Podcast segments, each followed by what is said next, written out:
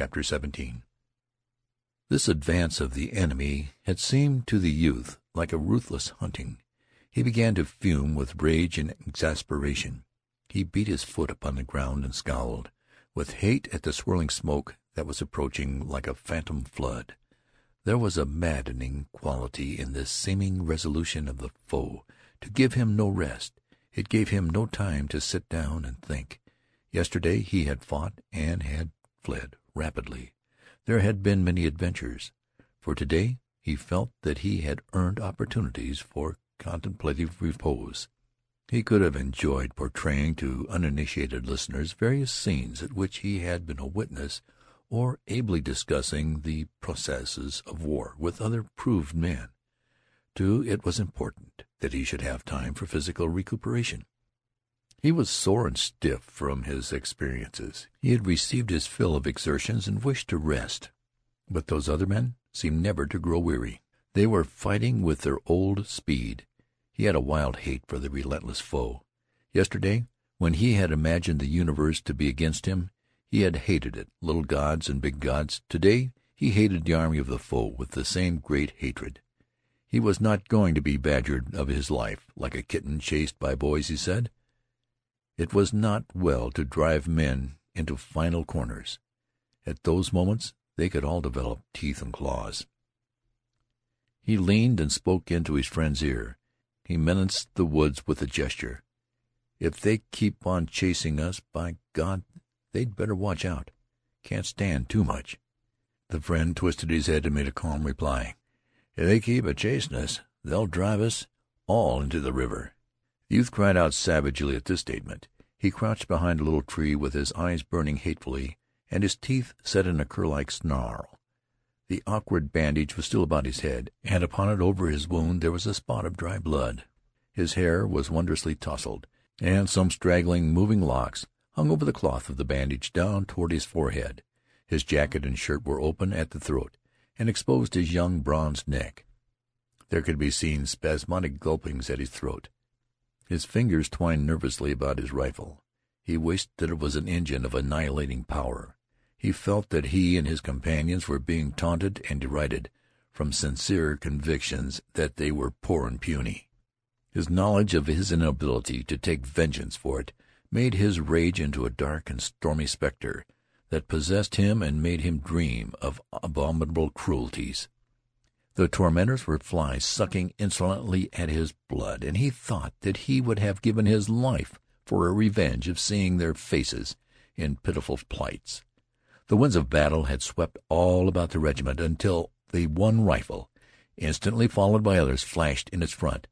A moment later its sudden and valiant retort a dense wall of smoke settled slowly down. It was furiously slit and slashed by the knife-like fire from the rifles. To the youth the fighters resembled animals tossed for a death struggle into a dark pit. There was a sensation that he and his fellows at bay were pushing back, always pushing fierce onslaughts of creatures who were slippery. Their beams of crimson seemed to get no purchase upon the bodies of their foes. The latter seemed to evade them with ease and come through between, around, and about with unopposed skill. When in a dream it occurred to the youth that his rifle was an important stick, he lost sense of everything but his hate, his desire to smash into pulp the glittering smile of victory which he could feel upon the faces of his enemies. The blue smoke swallowed line curled and wreathed like a snake stepped upon. It swung its ends to and fro in an agony of fear and rage. The youth was not conscious that he was erect upon his feet. He did not know the direction of the ground. Indeed, once he even lost the habit of balance and fell heavily. He was up again immediately. One thought went through the chaos of his brain at the time. He wondered if he had fallen because he had been shot, but the suspicion flew away at once. He did not think more of it. He had taken up a first position behind the little tree with a direct determination to hold it against the world. He had not deemed it possible that his army that day could succeed, and from this he felt the ability to fight harder. But the throng had surged in all ways until he lost directions and locations, save that he knew where lay the enemy. The flames bit him, and the hot smoke broiled his skin. His rifle barrel grew so hot that ordinarily he could not have borne it upon his palms, but he kept on stuffing cartridges into it and pounding them with his clanking, bending ramrod. If he aimed at some charging through the smoke, he pulled his trigger with a fierce grunt, as if he were dealing a blow of the fist with all his strength. When the enemy seemed falling back before him and his fellows, he went instantly forward like a dog who, seeing his foes lagging, turns and insists upon being pursued. And when he was compelled to retire again, he did it slowly, sullenly, taking steps of wrathful despair. Once he in his intent hate was almost alone, and was firing, when all those near him had ceased. He was so engrossed in his occupation that he was not aware of a lull. He was recalled by a hoarse laugh and a sentence that came to his ears in a voice of contempt and amazement. "Eternal fool! Don't don't you know enough to quit when there ain't anything to shoot at? Good God!" He turned then, and pausing, with his rifle thrown half into position, looked at the blue line of his comrades. During this moment of leisure they seemed all to be engaged in staring with astonishment at him. They had become spectators. Turning to the front again, he saw under the lifted smoke a deserted ground. He looked bewildered for a moment.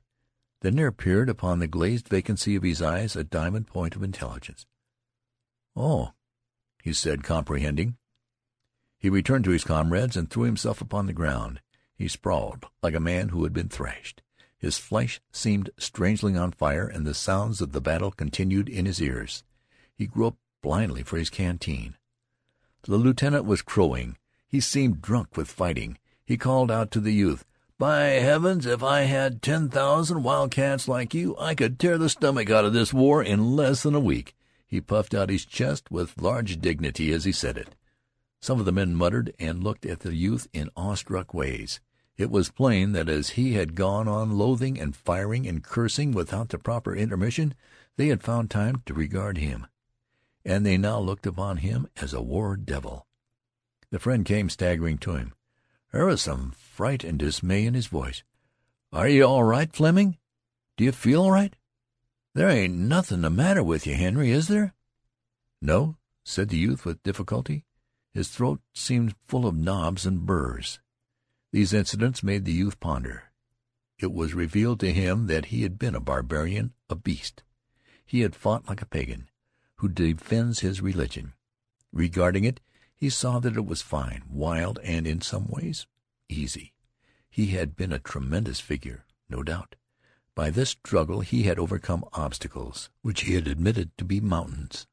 They had fallen like paper peaks, and he was now what he called a hero. And he had not been aware of the process. He had slept, and awakening found himself a knight. He lay and basked in the occasional stares of his comrades. Their faces were varied in degrees of blackness from the burned powder. Some were utterly smudged. They were reeking with perspiration, and their breath came hard and wheezing. And from these soiled expanses they peered at him. "Hot work! Hot work!" cried the lieutenant deliriously. He walked up and down, relentless and eager. Sometimes his voice could be heard in a wild, incomprehensible laugh. When he had a particularly profound thought upon the science of war, he always unconsciously addressed himself to the youth. There was some grim rejoicing by the men. "By thunder, I bet this army'll never see another new regiment like us." "You bet." A dog, a woman, and a walnut tree. The more you beat 'em the better they be. That's like us. Lost a Parliament, they did, and if an old woman swept up the woods she'd get a dustpan full. Yes, and if she come around again in about an hour she'll get a pile more." The forest still bore its burden of clamor. From off under the trees came the rolling clatter of the musketry. Each distant thicket seemed a strange porcupine with quills of flame. A cloud of dark smoke, as from smoldering ruins, went up toward the sun, now bright and gay in the blue enameled sky.